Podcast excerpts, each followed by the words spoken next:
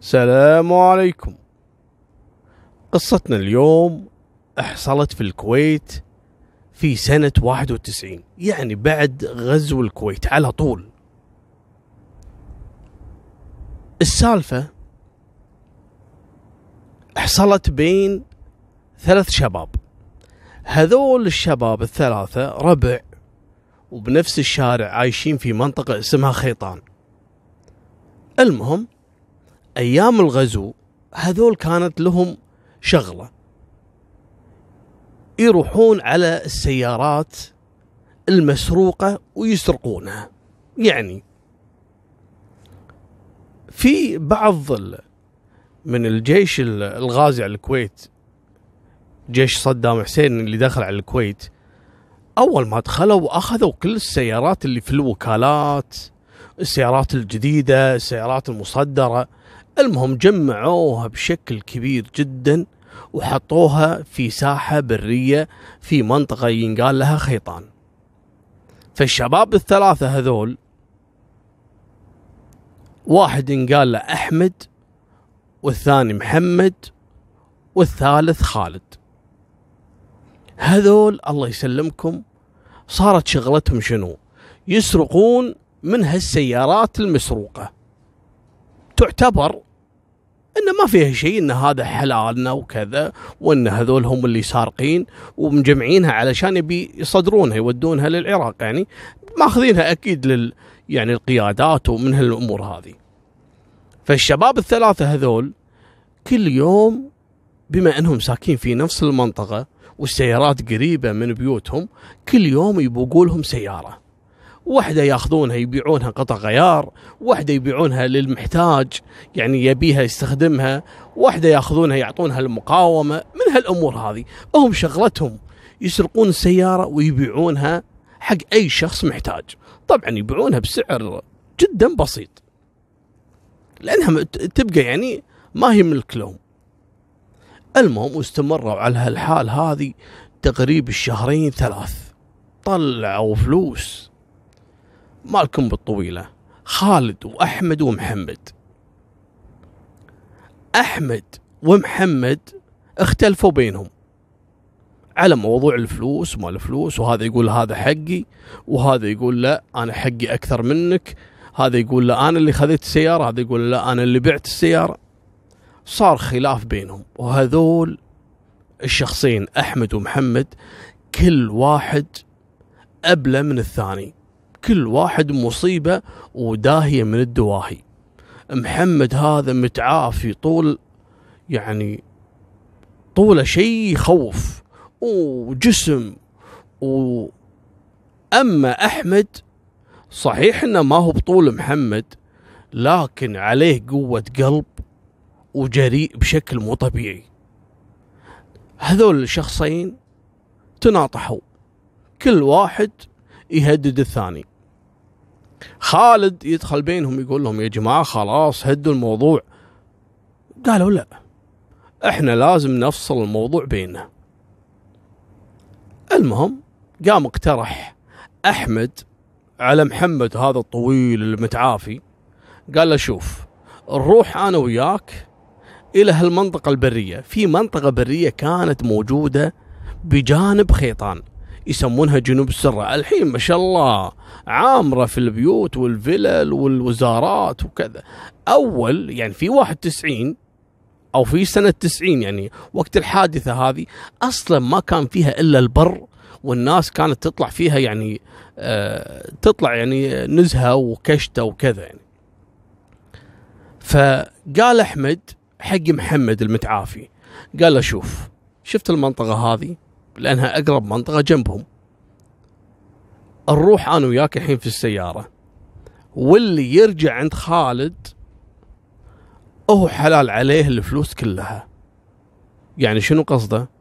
نروح أنا وياك في هالمنطقة البرية وما في أحد يعني ما في أحد يفرق بيننا وانت ذابح انت ضارب لين واحد فينا يموت.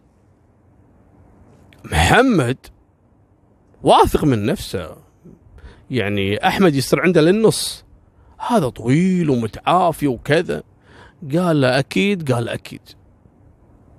قال أركب. يركبون السيارة أحمد ومحمد ويخلون خالد. خالد يحاول فيهم ما ردوا عليه. قالوا له خليك قاعد هنا يا خالد. إحنا بنروح المنطقة هذه اللي قدامنا البرية وبنتهاوش. تضارب. واللي يرجع عندك هو حلال عليه هالفلوس هذه كلها. ومشوا السيارة. خالد قاعد ينتظرهم. قال أكيد الحين بيتضاربون و... ويصير بينهم بوكسات وكذا. وخلاص. يرجعون. شوي ولا اللي راجع في السيارة أحمد. استغرب خالد. قال له زين محمد وين؟ قال له محمد ورا. قال له وين ورا؟ قال ورا ورا آخر شيء في السيارة. ويشوفه خالد ولا أحمد ذابح محمد ولا وجايبه من المنطقة البرية إلى البيوت. تقريبا ما تبعد كثير يعني أقل من كيلو يعني لأن بينهم شارع فقط. كان رابطة في سلك كهرباء كيبل هذا ورابطة من رقبته وساحبه في السيارة من هالمنطقة ذيك إلى عند خالد. طبعا خالد انصدم يا أحمد ليش سوي كذا؟ و... تقول لي أبو طلال يعني شلون؟ يعني ساحبه من هناك لين البيوت ما حد شافه. أنا أكلمك عن أيام الغزو كانت فوضى. يعني حتى لو أحد يشوف له جثة بالشارع والله ما يوقف. ما هو عارف هذا جثة مواطن ولا مقاومة ذابحين لهم عسكري ولا الدنيا كانت حايصه وهذا استغل الموقف. ماكم بالطويلة. خالد خاف. قال يا أحمد أنا مالي شغل لا تدخلني في هالمشاكل. ابعدني الله يخليك أنا مالي علاقة. قال له أهم شيء يا خالد لا تتكلم ولا تقول لحد فاهم؟ قال أنا مالي شغل. المهم خالد انحاش وراح بيته. قام أحمد وخذ جثة محمد وراح دفنها. وراحت الأيام وجت الأيام. بعد شهر شهرين والغزو إلى الآن كان موجود يعني. ويطلع أحمد من الكويت ويروح للسعودية. من ضمن بعض العائلات اللي طلعوا. كان وياهم مع أسرته وراحوا. المهم ومرت الأيام ويجون ناس من الكويت إلى المملكة كذلك من العائلات اللي طلعت ويتصادفون مع أحمد في السعودية. شلونك يا أحمد؟ شو الأخبار؟ طيب إن شاء الله. هلا والله وكذا. شلون الشباب؟ شلون المنطقة اللي هي خيطان؟ الربع فلان وفلان وفلان. قال لا تعال إحنا نبي نقول لك موضوع. قال شنو؟ قال أنت صج ذابح محمد جاركم؟ أحمد خاف. قال لا مو صحيح الكلام. لنا يا أخي مستغربين. أسرة محمد يدورون عليه مفقود الحين صار له كم شهر.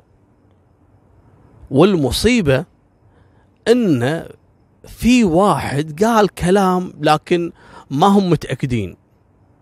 واحد قال له خالد. قال إيش فيه؟ أعرف هذا خالد جاري.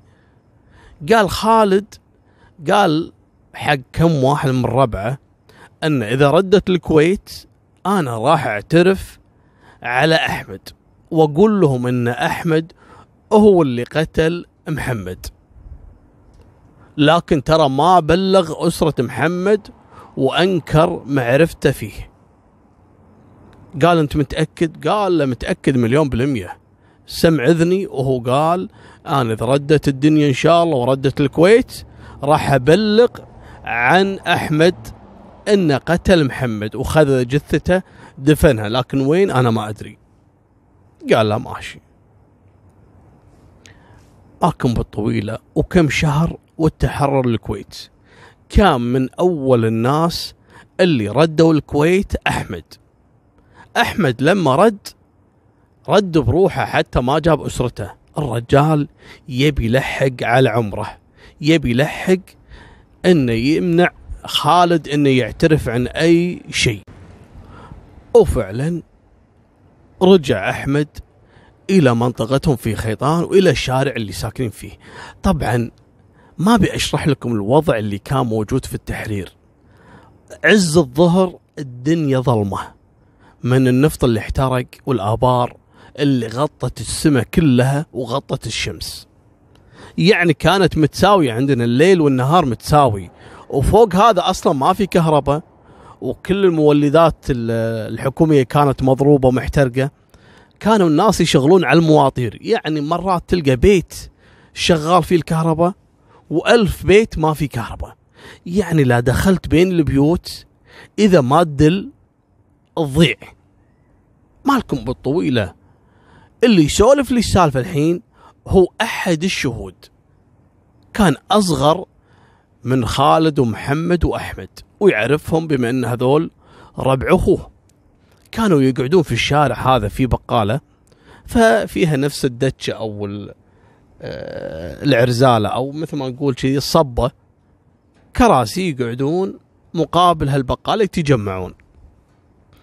يقول يا أبو طلال إحنا كنا قاعدين وتوها متحرر الكويت والوضع شوي تعبان وكذا ننتظر يعني إن ترد الحياة. فيقول من أول الناس اللي رجعت أحمد. يقول إحنا ما كنا نعرف القصة ابدا. فيقول إحنا اللي كنا قاعدين عند البقالة كلنا شباب صغار أصغر من الجيل هذا. يعني اعمارنا على 14 15 سنة هم كان أعمارهم بالعشرينات. يقول قاعدين عند البقالة ويجينا أحمد. أحمد شخصية تخوف يقول أبو طلال كأنه مجنون. لما يدش عندنا دائما يلبس اللي هو الكبوس أو الكاب أو القبعة يلبس مالت الكابوي. يقول ولد فيلم. يحط بمخابيه أو في جيبه يحط له مسدس. أه الولد مجنون يعني. من جراء اللي فيه زرع عقله.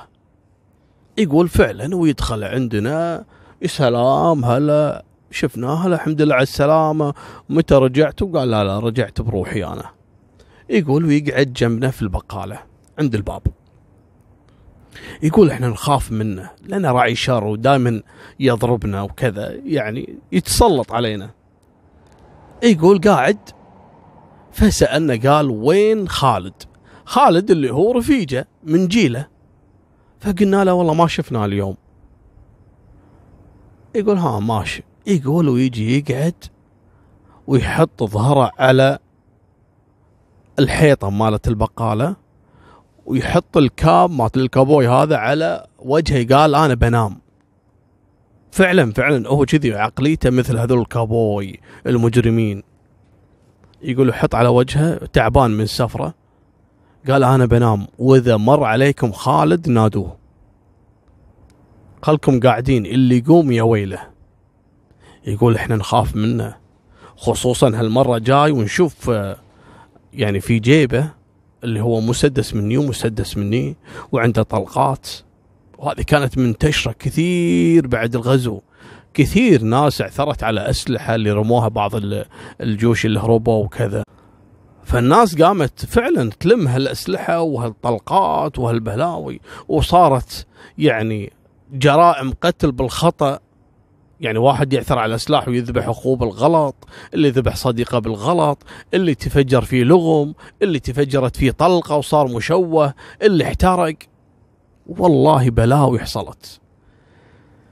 المهم يقول فعلا قاعد وإحنا خايفين.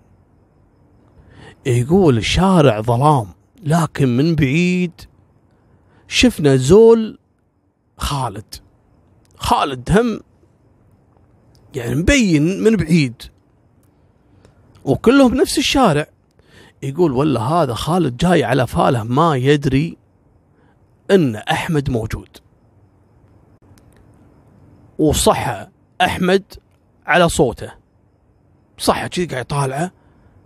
جاي ينادي قال خالد تعال تعال. طبعا خالد ما يدري إن الكلام وصل حق أحمد إنه قايل حق أحد الأشخاص إن إذا رجعت الكويت راح أبلغ إن أحمد هو اللي قتل محمد. ما يدري.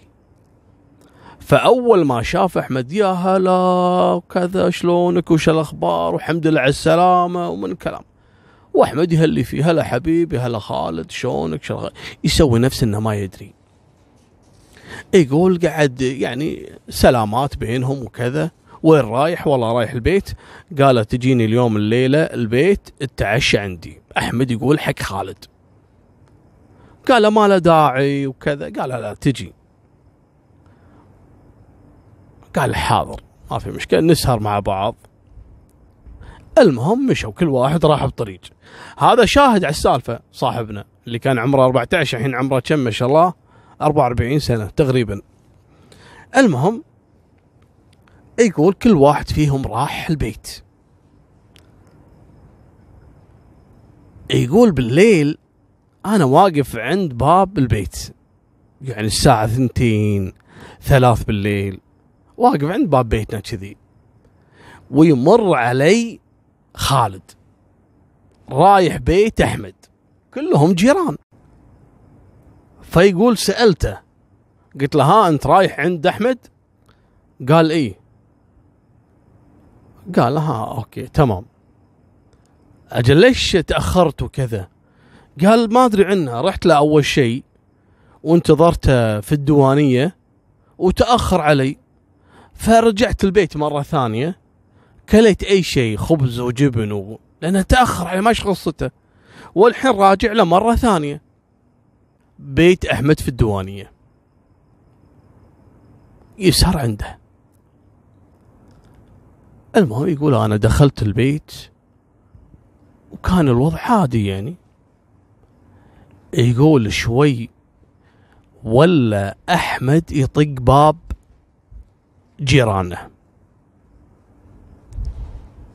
يقول طلعنا أنا سمعت الصوت وطلعت. وجيراننا طلعوا.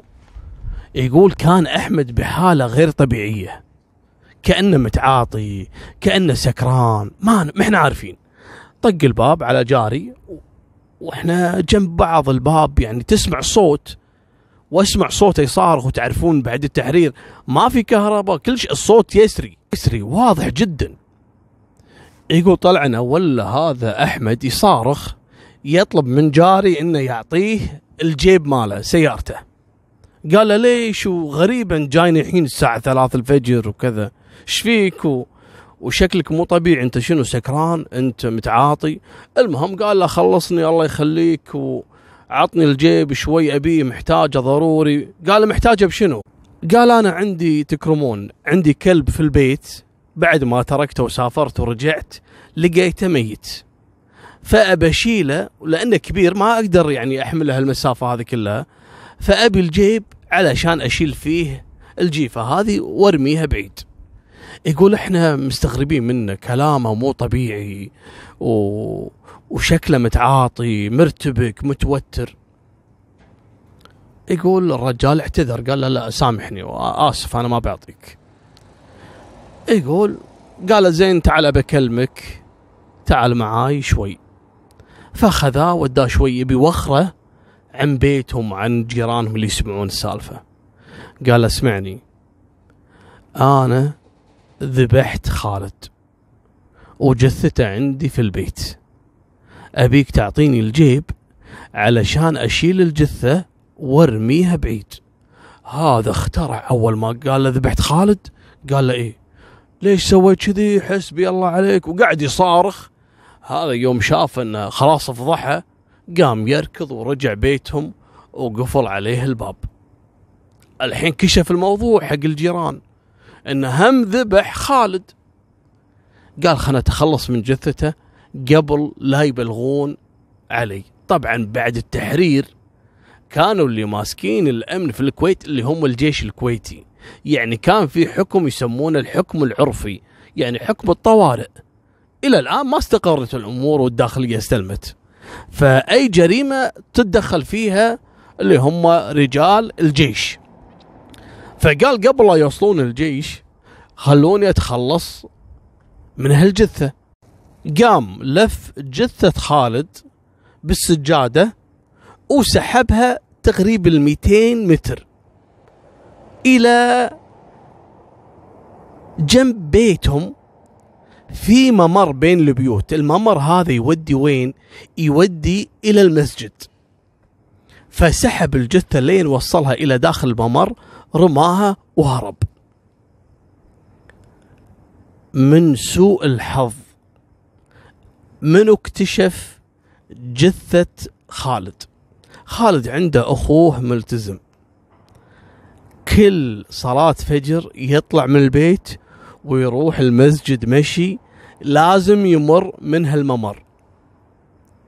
سبحان الله. جاء وقت الفجر طلع أخو خالد يتمشى ودخل في الممر رايح المسجد ويشوف هالسجادة الكبيرة هذه وكأنه في واحد نايم داخلها لأن رجوله مبينة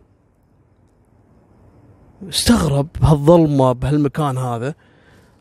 رفع السجادة ولا المتوفي أخوه. طبعا ما أوصيكم. صار عليه حزن وبكي وكذا والتمت العالم والشارع كله درى. قام الولد اللي طلب منه أحمد سيارة وقال لهم القصة. قال لهم ترى جاني قبل تقريبا أقل من ساعة وطلب سيارتي علشان ينقل جثة خالد إلى أحد المناطق البرية. قالوا له منو؟ قال لهم هذا جارنا أحمد. طبعا بلغوا على طول رجال الأمن اللي هم الجيش اللي كان ماسك الأمن في الكويت وتم إلقاء القبض على أحمد وفعلا حكموا عليه في البداية بالمؤبد لأن الموضوع كان يعني تم تصنيفه أن تبادل الضرب والاعتداء بالضرب من هالكلام مع أن أحمد استخدم سلاح الكلاشينكوف في قتل خالد في دوانيته.